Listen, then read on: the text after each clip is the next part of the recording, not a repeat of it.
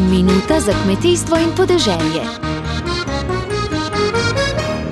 Na Inštitutu za hmeljarstvo in pivovarstvo Slovenije v Žalcu zaključujejo triletni projekt spremljanja dveh novih sort hmelja, Styrian Wolf in Styrian Eagle.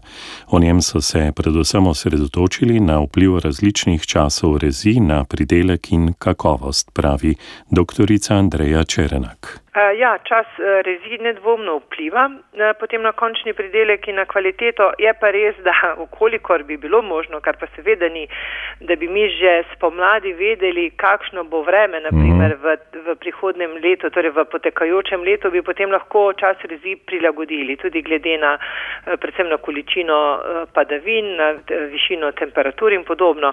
Ampak ne glede na to se to odraža in mi smo pri zastirjan igr v teh treh letnih poskusih ugotovili, da je dobro, če se sorta poreže pred sredino aprila, ne, ne pa kasneje. Medtem ko smo za Wolfa natančneje določili, da je najboljši torej ta srednji termin izvedbe rezi med 5. in pa 15. aprilom. Kaj to pomeni za spomladanske pozebe?